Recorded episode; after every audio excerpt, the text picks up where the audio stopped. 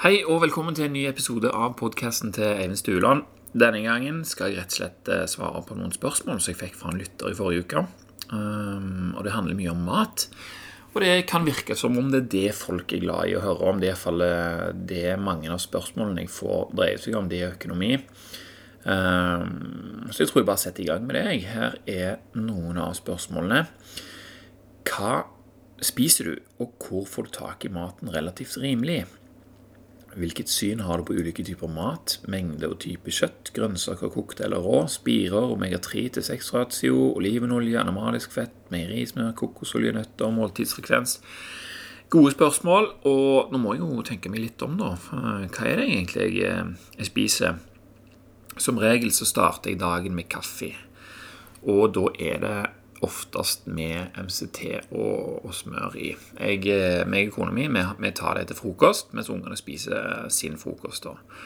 Eh, vi oppdaga vel at det var mye mindre stressende og lettere å holde roen når vi var helt ledige på en måte under denne frokosten til å eh, svare på spørsmål og, og prate, liksom, og, og, mm, holde fokus fremfor at vi måtte lage enda mer mat om morgenen og at vi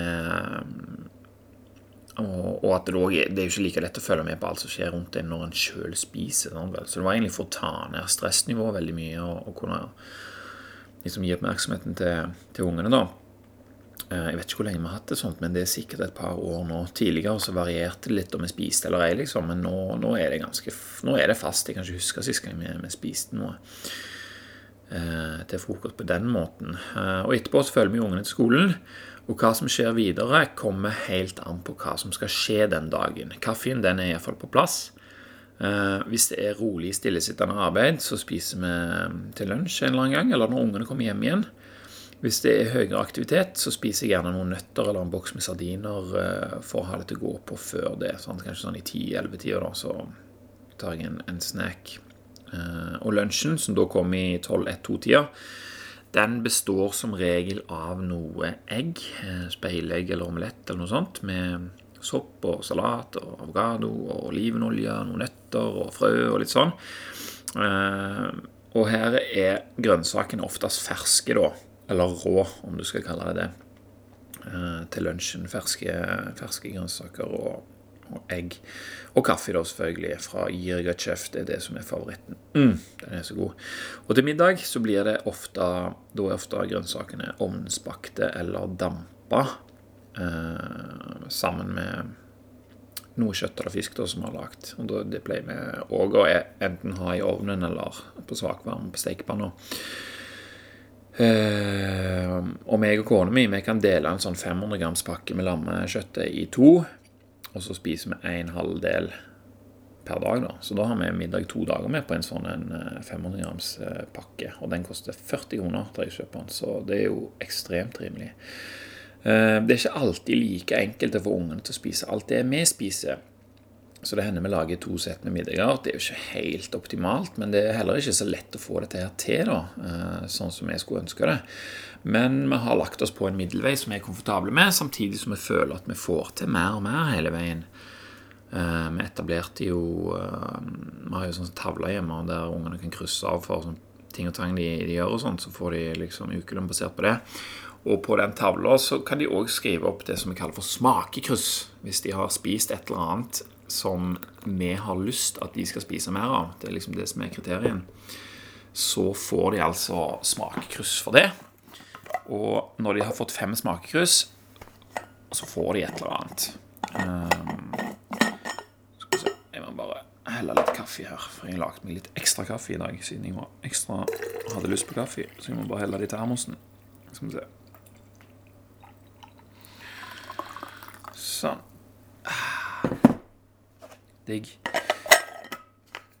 Ja, så får de noe, da, når de har, eh, når de har hatt fem smakkrus, og det er mm, Jeg kjøpte inn en bunke med sånne Hoås-bøker. Så de får seg ei bok, da, eller noe Ja, et eller annet sånn smått som er liksom litt gøy. Da. Og det har det kommet ganske mye bra ut av. Uh, mm, mm, men sant, altså Selv om uh, uh, Nå datt jeg jo helt ut. Jeg skulle aldri lagd den kaffen. Skal vi se. Ja, vi har lagt oss på en middelvei som vi er komfortable med. ja. Samtidig som vi føler jo at vi får til mer og mer, spesielt med dette her kryssystemet. Eh, for det er fort gjort å se for seg at en feiler sammen. Og det kommer jo helt an på hvem du sammenligner deg med. Det beste av det mest perfekte filtrerte som finnes på Instagram. Sant? Det er jo veldig vanskelig å, å strekke seg etter. Pluss at det er bare bullshit. Det er filtrert, og øh, det, det er ikke sannheten. Ofte. Sant? Men så har du på den andre sida, da, der har du den ærlige sannheten i eh, det som finnes i miljøet rundt oss. Sant? Hvordan er det andre folk gjør det? Noe er det greit å strekke seg etter, sant? mens andre ting er det greit å bruke til å se hva vi faktisk har fått til, og at vi får ting bedre til enn andre. Men det beste er jo da å sammenligne seg sjøl med sine egne tanker om hva som er rett, og eventuelt hva du gjør for å nærme deg mer det, da. Eh, så på en eller annen måte så, så får vi det til å funke. Så hva jeg spiser gjennom ei vanlig uke sant? Eh, det har alt sin omtrentlige grunn for å bli spist, utenom smaken. sant? Hva inneholder det? Hvordan påvirker produksjonen miljøet? Er det reist langt? Hva koster det? Jeg syns alltid det er veldig kjekt å oppdage gull et sted der, der ingen leter. Derfor jeg ofte leter der ingen andre leter. De fleste er opptatt av å finne gull der alle de andre leter. Eh, men det viser seg at næring og byggematerialer i mat det er en variabel som det ikke optimaliseres noe særlig for hos den gjengse nordmann. Der er det smak og enda oftere estetikk som er, ser ut som å være viktige faktorer. Og, og, det kan vi se på hva vi finner i butikkhyllene. Det er jo ikke verre enn det. Eh, lever og hjerter og andre ting som har blitt ekkelt, det finner vi ikke. Eh, det er best for de fleste om alt det ekle er fjerna, og at det ikke minner så mye om noe som har levd. Det er liksom den slutningen jeg tolker ut fra hva jeg finner på butikken. Det virker som om vi tror at vi sjøl bare er laga av fileter, liksom, siden vi tror det er nok til å lage alle de forskjellige cellene i kroppene våre. Sant? Rense og filetert, det er sånn vi vil ha det. Og når de fleste er opptatt med det, så skaper det gode muligheter for de av oss som optimaliserer for næring og byggesteiner. Sant? Eh, som vi ønsker å gjøre nytte av. For det er ofte i dette ekle at godsakene ligger. Sant? De gode fettsyrene, sener, brusk, bindevev og mineraler. I tillegg da, til disse muskelcellene som, som du òg har fra, fra fileten. Sant? Men det, det, er jo bare en liten bit av det. Jeg glemmer aldri det når Helge Ingstad skrev i den der Pelsjegerlivet at eh, når, eh, når, de spiste caribou, disse her kanadiske indianerne, så, så åt de liksom alt til og med mulen. Sant? Altså alt, var, alt det næringsrike, det, det åt de. Mens indrefiletene det slengte de til bikkjene, for det var jo ingenting i det. Det er jo ikke fett engang mer. Men det er liksom det vi har eh, Det vi har lagt lister i forhold til hva som liksom er veldig bra, da. Eh, så når vi mennesker ikke spiser dette Altså, vi spiser nok fileter, så det må jo være enorme mengder med matavfall fra Eh, slakteriene, som er liksom innmat og sånne ting. da. Og eh, når ikke vi spiser det, så er det jo andre som får det. Minken, f.eks. Når minken har godt, en god fungerende kropp med god helse, så viser det seg en flott og glansfull pels. Sant? Vi har ikke pels, men vi har hud, vi har hår, vi har organer. Den flotte og glansfulle pelsen den sier noe om allmenntilstanden til minken. Sant? Men det er akkurat som ikke vi bryr oss om det. Det er akkurat som vi ikke trenger det. Vi liker bedre å se grå og tomme ut, sånn at vi når, vi omsider har nådd et slags mål som virker til å være å få liksom påvist noen mangler på viktige mineraler, vitaminer og byggesteiner, at vi da kan supplere det med kosttilskudd, sprøyter og solarium. Og til de rundt oss sier vi at vi har fått noe, sant? en tilstand. Jeg har fått jernmangel, jeg har fått benskjørhet, jeg har fått D-vitaminmangel og kronisk betennelse. Men det sies jo ingenting om at den faktisk er gitt av deg sjøl gjennom valgene dine. Og mye kommer jo òg av stress, selvfølgelig. Og når jeg sier det på denne måten, her, så kan det virke veldig kynisk fordi at jeg ikke tar høyde for at eh, de folka som velger det, ikke vet noe om det. Eh, og det er jo sant. Så det er litt, eh, litt sånn trist, dette her. Men det forandrer ikke det faktum at jeg fremdeles kan gå og finne det som minken får så, så blank og fin pels av, og spise det for min egen del. Sammen. Uh, skal vi se ja, for vi har ganske mange metoder for å bøte på det faktum at vi ikke spiser det vi trenger. Sant? Og Sånn kan vi fortsette å spise fileter og fremdeles overleve. Men eh, nok ranting om det. Jeg liker filet, jeg òg, men jeg foretrekker det ikke. Gi meg heller noe med næring, smak og byggesteiner i. Desto eklere det er for filetbanden, jo mer tiltrekkende er det for meg. For jeg optimaliserer for næring. Og da er det, mm, da er det det jeg ender med å synes er godt òg. Altså, hvis jeg vil ha næringen i kroppen min, så, så, så, går jeg over noen terskler smaksmessig for å få det, det til. Uh, men men jeg, sier ikke at alle andre er dårligere enn meg, men det hjelper meg å fortsette med det jeg gjør, hvis jeg på en måte plasserer alle de andre i en slags bås. Og alle de andre, det er jo selvfølgelig da ingen jeg kjenner. Sant? Det er bare en, sånn, en, en, masse med mennesker som ser ut til å respondere veldig bra eh, på det som fins i butikkene. Det er jo derfor det fins i butikkene. Så når jeg later som de tenker sånn, så blir det tydeligere for meg hva fordeler jeg har med å tenke sånn som jeg har. Men det har ikke noe med om at jeg syns jeg er bedre enn de, eller hva. Ehm, de må jo bare gjøre det som de vil, og jeg gjør det som jeg vil. Det, det, er jo helt topp, egentlig. For de har sikkert gode grunner til å gjøre som de gjør, sant? akkurat som jeg har gode grunner for å gjøre som jeg gjør. Kjøtt og fisk for byggesteiner, fett for smøring og energi, og grønnsaker for fart og fiber. Sant? Så nå skal du få noen av de tingene jeg spiser, og hvorfor jeg gjør det. da. Altså, Jeg begynner jo som regel med kaffe med MCT og smør. Jeg elsker kaffe, men kun når det er god kaffe. Hjemme så lager meg og kona mi én liter kaffe om morgenen. Og så tar vi første koppen med MCT og smør. Og så resten deler vi på to utgjørende formiddagen. Og når den kanna er tom, termosen tom, da er det tomt. Og det er som regel i tolvtida. Eh, og vi kjøper heller god kaffe enn masse kaffe. Sant? Og så nyter man deretter.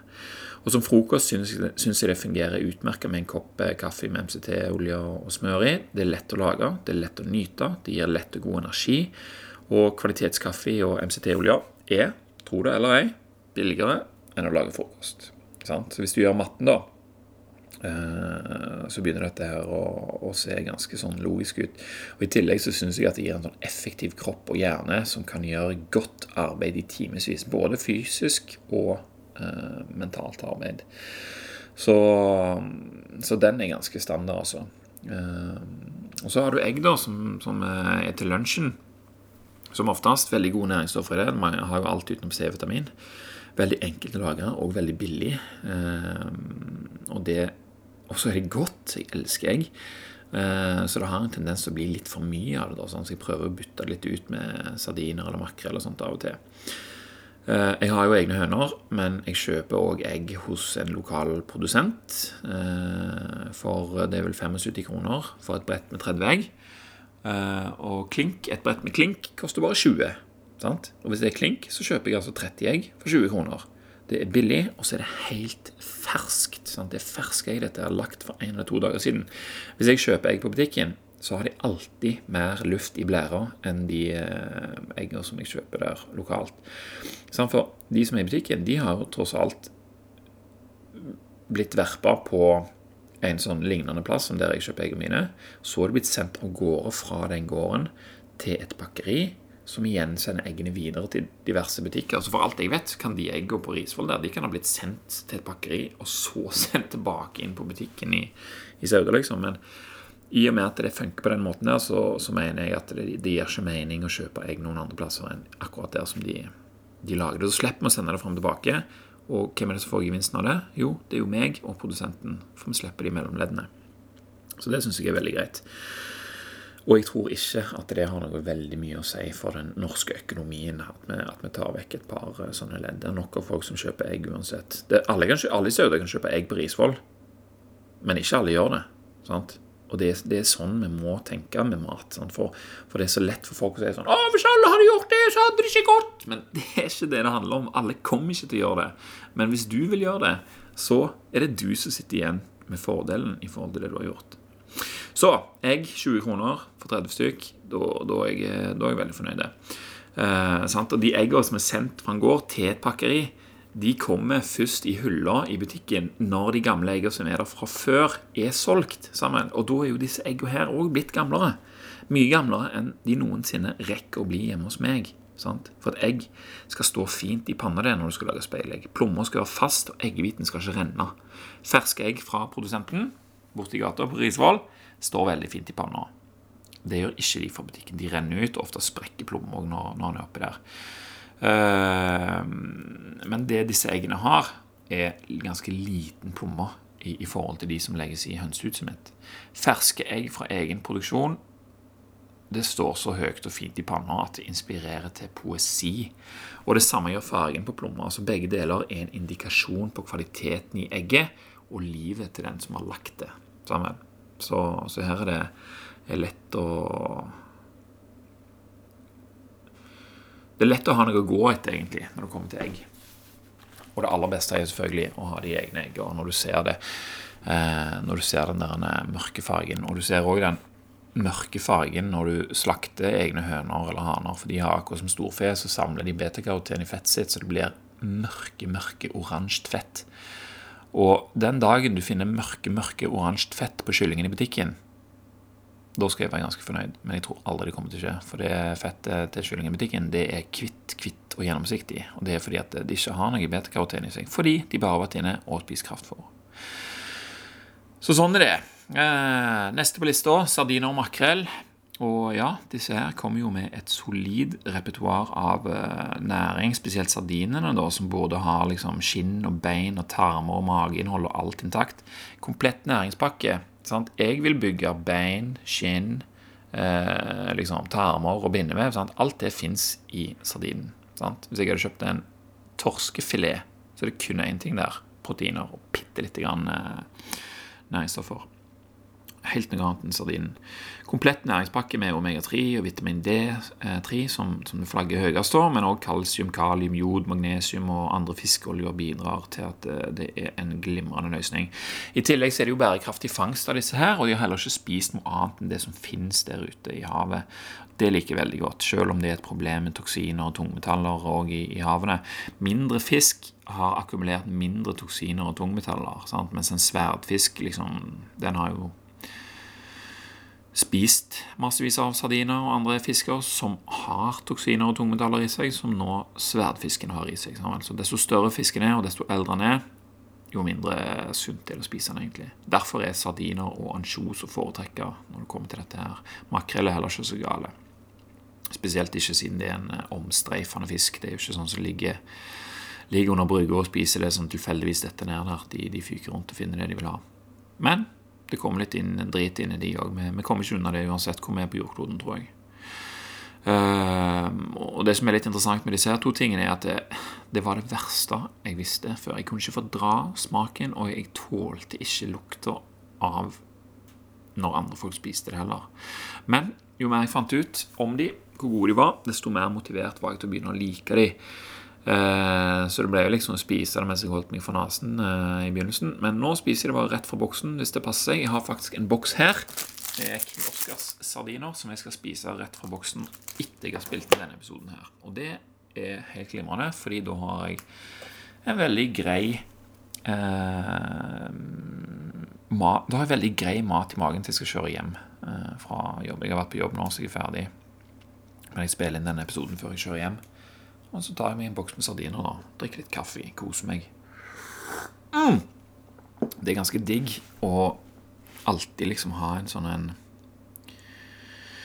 grunn til det du spiser. Sant? Jeg, jeg føler hva den, de sardinene i den boksen skal gi meg. Det hadde vært noe helt annet hvis jeg tok mye pølser. Så eh, verdens beste nødproviant, rett og slett. Eh, det kan vi jo se når vi oppdager sånne sardinlagre fra krigen i veggene på gamle hus og sånn. Det eldes som vin, dette her. Og hjemme i skapet mitt så har jeg noen sardinbokser som jeg har tatt vare på i 15 år, som jeg fikk fra en fabrikk som uh, skulle legges ned. Jeg sparer de og sparer de. Jeg gleder meg til jeg, når jeg sjøl er 50 år, kanskje skal spise en. Men uansett,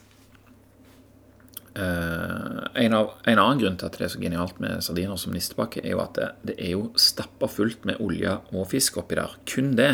Det er ikke mange grammene med vann i en sånn boks. Altså vann som da vil si at eh, et gram med vann har jo ikke noe næring i seg. Mens her er det jo fett og proteiner og ting overalt, nesten. Det er bare litt vann i kjøttet på, på sardinene. Så veldig kompakt eh, ting der. Eh, Hvis du skal ha, ha, på fjelltur og sånne ting, så er det jo helt genialt. Eh, og så pleier jeg å ta det med når jeg skal rundt omkring. Eh, for jeg vet at det stort sett bare finnes bagetter og pølser og panini rundt omkring, så da kan jeg heller bare ta meg en boks med sardiner. Men sjekk ånden etterpå, eneste, for der, der er det litt eh, det er litt å kompensere for.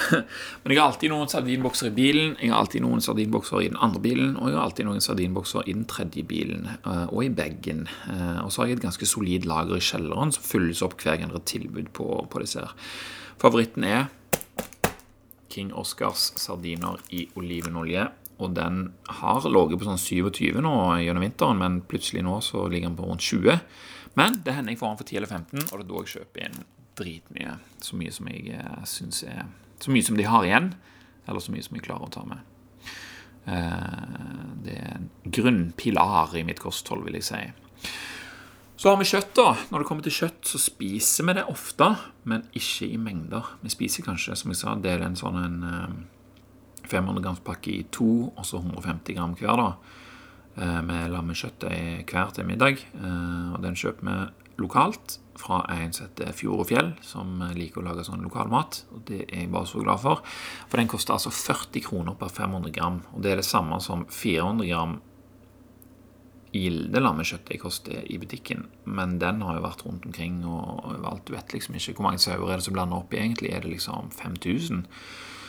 Uh, eh, mens disse her kommer fra en og samme bonde, så du bare spør han bonde Hei, hvordan var det med dette her? Nei, jeg kjente det til fjells, og så plukket jeg det ned igjen, og rett på slakten, så ble det kjøttdeig. Ok, da vet jeg iallfall det. Så den er kortreist, den har spist hundrevis av forskjellige urter og planter mens den har levd sitt liv i naturen, og jeg liker å tenke at vær, vind, utsikt, ro og kontinuerlig bevegelse gir et sunt lam og et godt kjøtt. Og da er det òg verdt å ta vare på organene til disse dyrene. For akkurat som jeg sa om fisken som akkumulerer toksiner og giftstoffer og sånt, så gjør de fleste dyrene det i Ikke i filetene, faktisk. Det er en av fordelene. Ikke i filetene, men i fett og brusk og, og sånne ting. Men i og med at disse lammene, lammene i og med at disse lammene har hatt et sånn et eh, vidunderlig liv, så er det òg ekstra verdt å ta vare på organene til de her dyra. Uh, vi spiser ikke så ofte vanlig kjøtt fra butikken, men det er faktisk et ganske bra alternativ hvis vi stiller perspektiv i forhold til hva som ellers finnes der ute, f.eks. i Tyskland og USA. Sjekk alltid om det er norsk kjøtt i kjøttdeigen din, for ofte så er det bare fra at det er fra Tyskland, men at det er pakket i Norge. Så sjekk det. Den tyske har helt annet antibiotika- og kraftfôrbruk enn en, eh, en de norske. En norsk ku eller en okse kan òg ha fått veldig mye kraftfôr og antibiotika, men sjansen er mye mindre. Eh, det er en fin mellomløsning som vi kan spise med relativt god samvittighet hvis vi mangler bedre alternativer. For i fôret til storfe så finnes det ca. Jeg holdt et foredrag om dette for noen år siden, så da leste jeg om det i Felleskjøpet. Og på den tida der, for eh, fire-fem år siden, så var det ca. 50 grovfôr eh, for storfe. Og det betyr gras og greiner og viltvoksende ting som de finner ute. Og så er det 50% kraftfôr, der 50% av det igjen er korn og diverse som er produsert i Norge. Sant? Og det vil jo si at det er bare 25% som er importert eh, fôr til disse her. Det vil si at det er begrenset med soya og mais. Eh, og så er det jo da forskjellig òg hvordan bøndene gjør det. Så hvis jeg finner en bonde her som eh, er litt med på den samme tankegangen som jeg har, så blir det jo enda mindre kraftfôr. Og enda mindre importert fôr til, til, den, hvis du vil finne deg det. da, sånn, For det går an å bestille rett fra en bonde. Og det går an å få selvfølgelig 100% grasfôr og kyr. Det er jo det beste. sant? Jeg sier ikke det, men jeg sier at den vanlige kjøttet, en vanlig storfe i Norge, er faktisk av ganske høy kvalitet og, um, og har ganske god dyre, dyrevelferd. Men så kommer sånn Cowspiracy og all slags sånne andre dokumentarer der liksom sånn storfe blir svartmalt som så sinnssykt, men, uh, men det er stort sett den amerikanske som er så drit, liksom. Den norske er ganske bra. Så lam på topp, altså. Storfe. Nestemann. Kylling og gris de har 100, 100% kraftfôr i kosten, og, og, mye av det er frakta langt. Det liker ikke så godt, det spiser vi sjeldent. Norske skyer har mer bevegelse, mer vær, mer vind og mye mer grovfôr, som gjør de til en miljøvinner i forhold til disse amerikanske slektningene sine da, som står på sånne feedlot og lots og, og får pest eller drit og pisse der. Så må det kjøres vekk, eventuelt lagres til sånne innsjøer og sånt, og så må alt fôret kjøres inn, og veldig mye mer styr enn å bare åpne døra og slippe det ut på jordet. Norske kyr de fiser, de òg, men ikke så mye som de amerikanske. Men samtidig som de fiser, så bidrar de òg til å binde mengder med karbon ned i jorda gjennom å gjødsle, og at de faktisk tråkker på jorda, som gjør at regnvann kan få renne ned i jorda og bli der og godgjøre seg sammen med den næringen, fremfor da å renne av gårde på, på toppen og da ende opp med å dra med seg jordsmonnet når det blir eh, store nok bekker.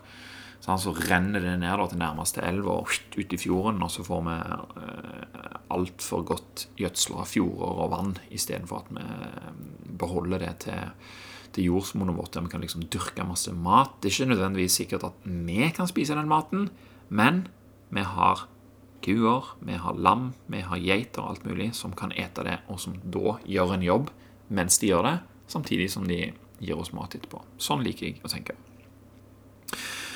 Eh, for en av de største utslippene av karbon i atmosfæren Dette lærte jeg for ikke lenge siden. Jeg lurer på hvor jeg så det. Var det det var en eller annen dokumentar. Men det er når vi faktisk pløyer jordene. Fordi da åpner du opp, sant? Og, så, og så damper karbonet ut i atmosfæren, da. Eh, eh, sant? Karbon fordamper, og humusen som er nede i jord, den som liksom binder ting og holder på vann og liksom hjelper mycelium å vokse og sånn, den forvitrer og blir til støv. Og til slutt så får du sånn ørkengreier. da. Så Kyr og andre beitende dyr som går ute, bygger humus i jorda og hjelper til å holde næring og karbon på plass, sånn at gresset kan vokse igjen og binde enda mer karbon og lage enda mer humus. Det er sånn det egentlig foregår, renters renter hele veien. Men det er når vi skal ta liksom sånn sinnssyk avkastning hver gang, det er da det går i dass. Og det er jo det det har gjort i hele Midtvesten i, i USA. Så det er trist, men uh, jeg tror det holder på å snu. Jeg tror det. Uh, skal vi se? Så Det blir jo helt noe annet for helse og miljø når du spiser disse her norske versjonene av de amerikanske verstingene. Skal vi se du, du, du.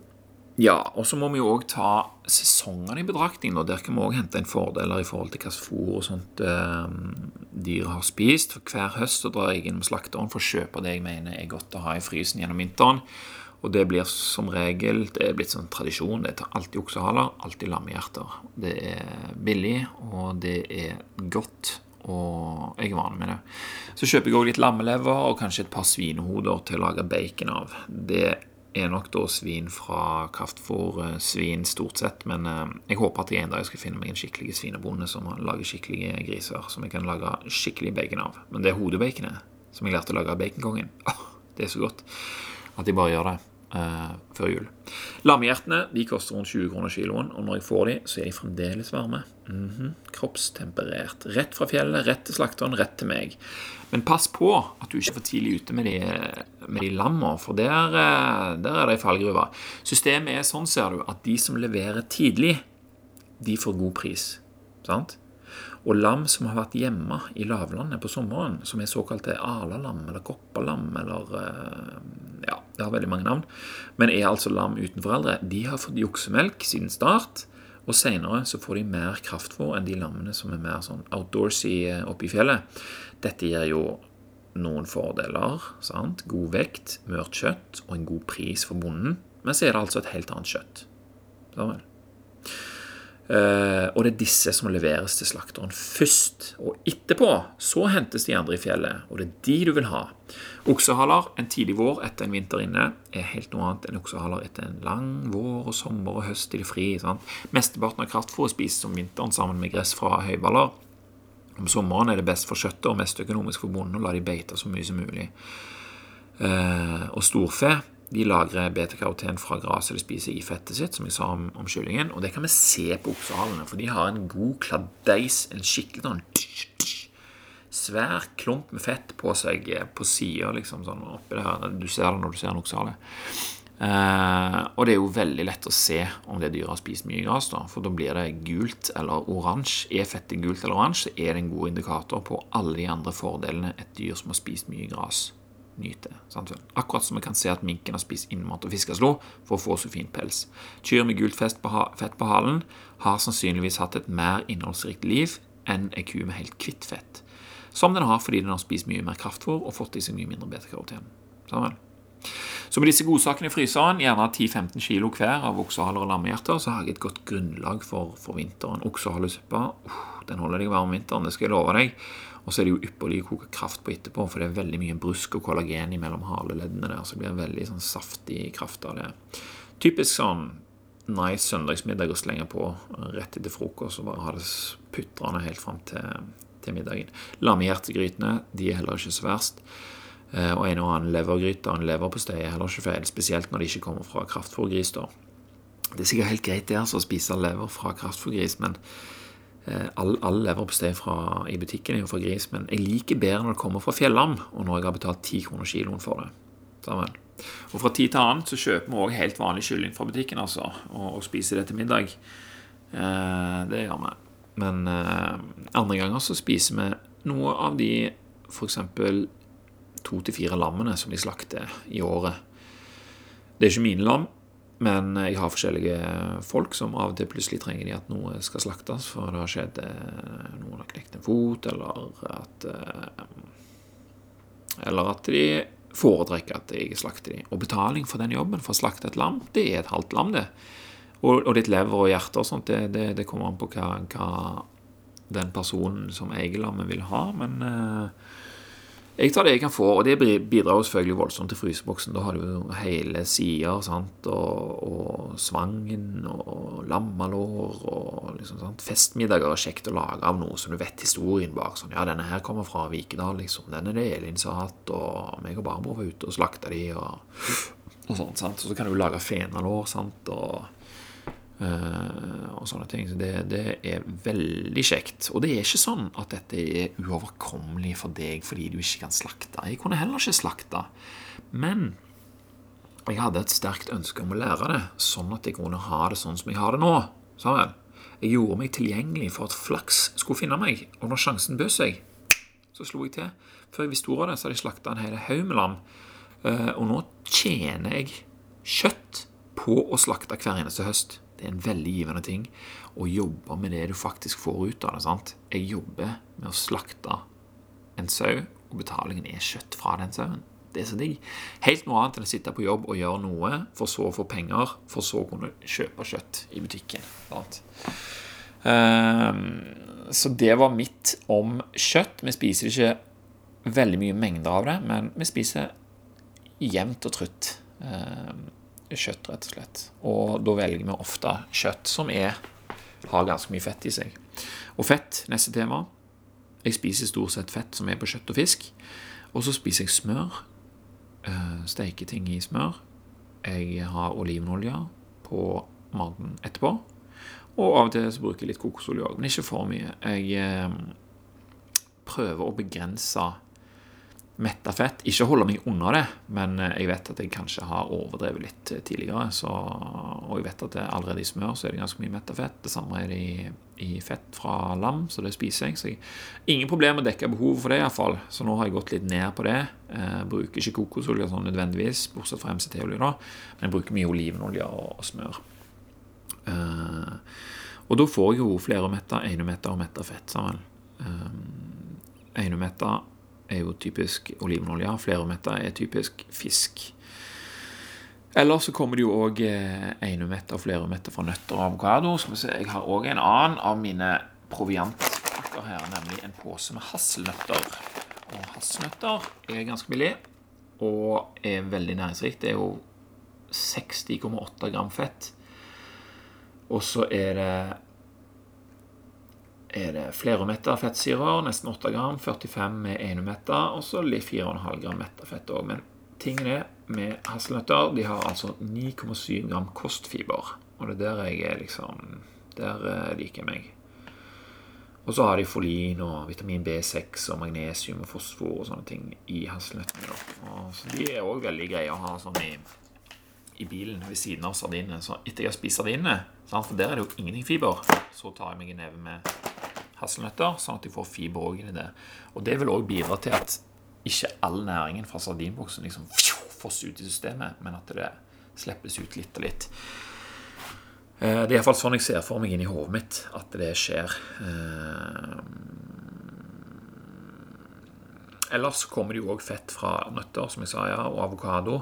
Jeg spiser jo ikke bønner og korn og sånt, så jeg har relativt lavt omega-6-inntak. Nå så jeg òg jeg var inne og sjekka. Forresten, matvaretabellen, er der jeg går inn og sjekker alle. Der, der går det an å sjekke nesten alt. Uh, så jeg begynner å sjekke det der. Men det er veldig stor forskjell på omega-3 og omega-6-ratioen i, i, i, de forskjellige bønnene. Men uh, jeg spiser jo ingen av de, og det er fordi at uh, mm, tåler ikke så godt. Eh, men jeg har et relativt lavt omega-6-inntak, så da regner jeg med at, eh, at, det jeg spiser av fisk og sånt, eh, er passelig i forhold til det. Bortsett fra en av mine guilty pleasures, nemlig majones. Så det er nok der jeg har størst omega-6-inntak i min kost. Det kunne sikkert vært bedre totalt, kostholdet mitt, uten majones, for helsens del. Men altså, omega-6, vi trenger jo det òg.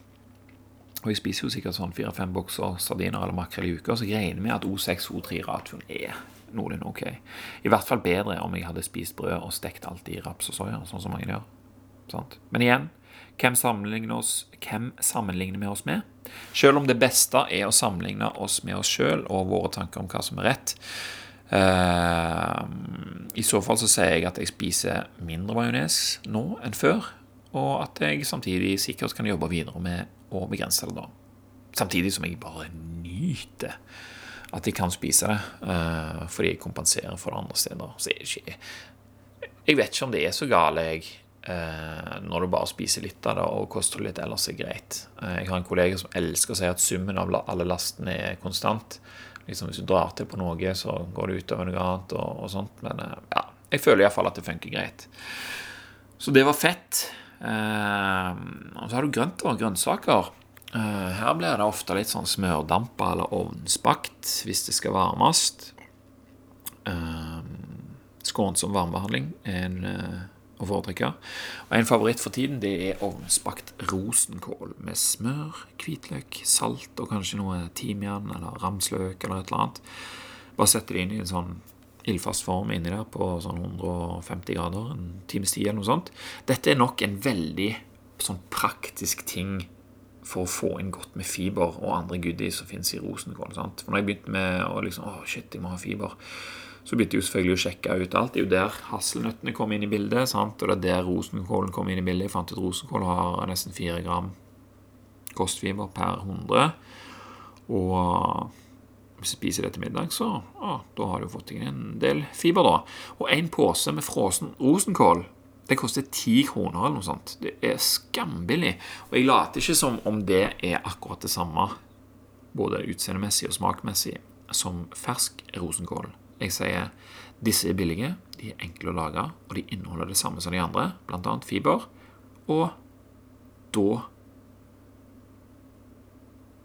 blir det lettere for meg å hva skal jeg si, begynne å like det. Finne ut metoder som, å lage det på som gjør at jeg liker det.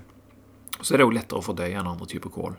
Så rosenkål, jeg går for deg, altså. Jeg pleide ikke å like det, men på jakt etter fiber så har jeg lært meg å lage det godt, akkurat som med sardinen og makrellen. Ellers så går det en del i rødbeter, både ovnsbakte og raspa rødbeter. Raspa rødbeter med litt salt og olivenolje. Det går til det meste, både lunsj og, og middag, for å si det sånn. Eh, Oppdaga det ved en tilfeldighet. Jeg tror det var kona mi som plutselig bare sånn Ja, raspa litt rødbeter. Så, og så var det skamgodt. Så da bare rasper vi opp noen rødbeter, og så har vi det i en matboks i kjøleskapet, sånn at det er å bruke akkurat som spirer eller whatever. Så blir det litt gulrøtter, kål og diverse rotgrønnsaker som egner seg for stekeovn. Og der òg er det jo kjekt å finne sånne ting som gjerne ikke folk bruker så mye.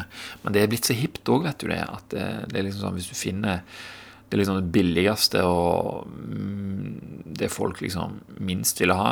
Sånn jordskokk, liksom. Det er jo dritdyrt nå. Men hvis du tar en jordskokk og hiver den ut på plenen din, skal du banne på at det kommer jordskokk der neste år, for den er sinnssykt villig. Så hvis du gjør det, kjøp en pose med jordskokk, hiv det ut i hagen, så får du masse jordskokk til, til neste år. Uh, og hvis jeg lager de, så er de som regel enten stekt med lav temperatur i panna eller i stekeovn. Blomkål og brokkoli og sånne ting, det, det, er sånn som jeg typisk damper. Og, og de rosenkålene òg kan jeg òg dampe i smør. Det er skamgodt, det òg. Hvis jeg ikke har god tid, f.eks., så gjør jeg det. Så det er jo typisk til middag, da. Og så til lunsj er det som sagt mer eh, ferskt. Da blir det salat, ruccola, spirer, frø, nøtter og avokado. Uh, og så har jeg hatt en ganske sånn lang tenkepause når det kommer til avokado. Uh, basert på noen av de kriteriene som jeg setter for mat. Og liksom, er det rett for meg å spise det her? Det, det vokser i Chile og Peru, uh, typisk. Iallfall før. sant? Og så sendes de helt derfra, da. Og det er langt. Så jeg tenkte liksom hele veien sånn Har vi noe her hos oss som kan måle seg med avokado i næring, som jeg heller kan spise? Men det var veldig vanskelig å finne. Og etter hvert som avokadoen begynte å komme fra Spania og Marokko og Israel, og sånt, som det har gjort nå, når de plutselig ble 25 kroner for en sånn topakning i det siste, så ble det plutselig mer spiselig for meg. Så avokado er tilbake på menyen, men eh, jeg har ikke helt bestemt meg ennå om det er bra eller dårlig, men jeg nyter det iallfall. Og fra tid til annen så fermenteres det òg litt, men det er det stort sett kålen vi driver med. Da er det litt sånn kål eller gulrøtter og sånne ting. Så spiser vi litt av det òg. Da har vi vært gjennom kjøtt, fett og grønnsaker. Hva mer har vi snakket om? Skal vi se. Det var bare det. Sardiner, ja. Egg, kaffe med MCT.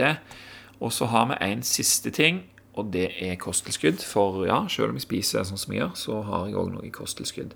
Det er ikke lett å få dekka alt gjennom kosten, og um, noen ting kan vi dra fordeler av å spise mer av enn vi kan i kosten. Det var jo ikke sånn at kroppen vår var designa til å liksom spise en perfekt sammensetning av uh, ditt og datt, men uh, vi kan f.eks.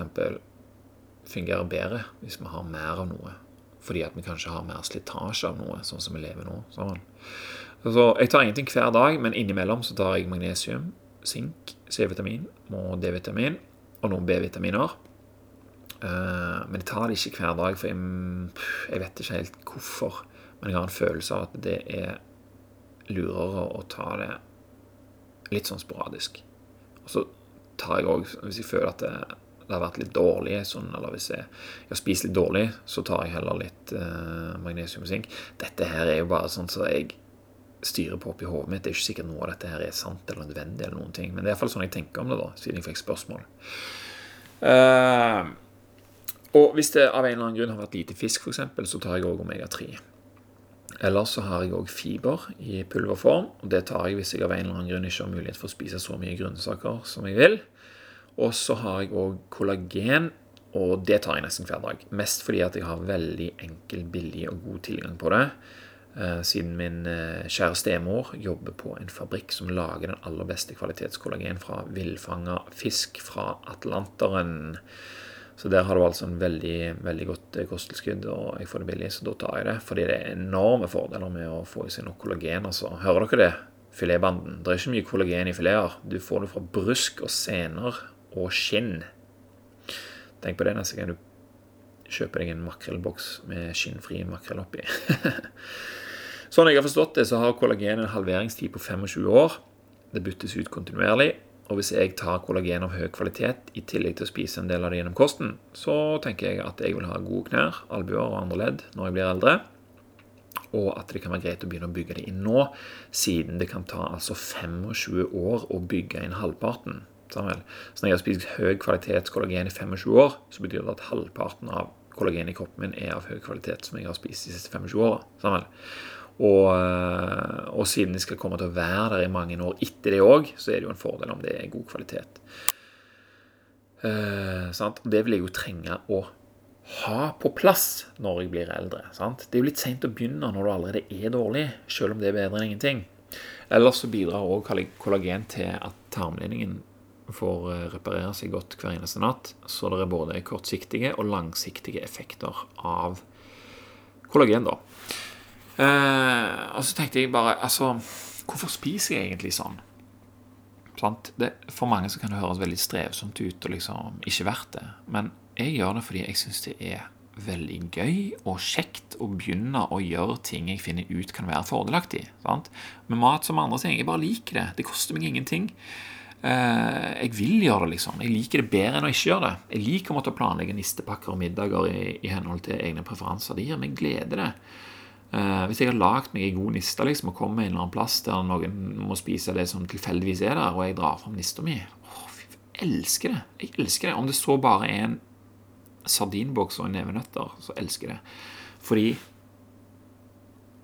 jeg vet hva slags matvarer som uh, hjelper meg å ha det sånn som jeg vil ha det. Og så vet jeg òg veldig godt hva slags matvarer som gjør motsatt av det. Som får meg til å føle meg dårligere og prestere dårligere, f.eks. Det, det er ikke noe som gir meg glede.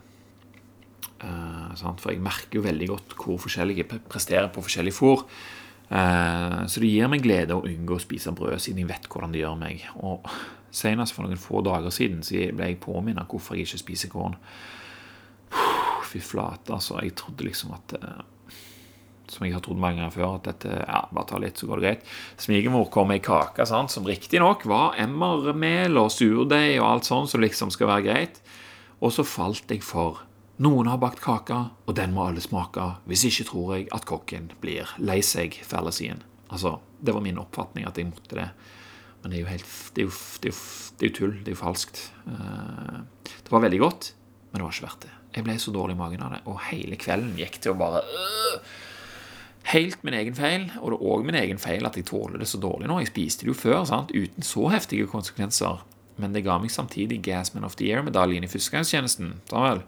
Så vil du ha Gasman of the Year hver dag, eller en lei konsekvens av å spise ei kake en gang iblant Brød det er ikke så godt at det er verdt det rett og slett for meg. Folk spør av og til hvorfor jeg ikke bare spiser vanlig, sånn at jeg kan tåle bedre å spise brød. Og da hender det at jeg sier noe som gjør at kona mi liksom klasker meg i magen med utsida av hånda for å få meg til å forstå at dette her er ikke pent å si, men som jeg sier litt likevel fordi jeg syns det er så morsomt. Jeg syns det er en morsom vinkling på det hele. Så kan jeg si sånn Du, skjønner det at jeg liker de dagene der jeg føler at jeg lever, og det er lettere å føle det når jeg spiser som jeg gjør. Jeg er ikke vant til å dø litt hver dag, ser du, sånn som du er. Så når jeg først gjør det en sjelden gang iblant, så merker jeg det ekstra godt. det liker jeg, vet du, å si.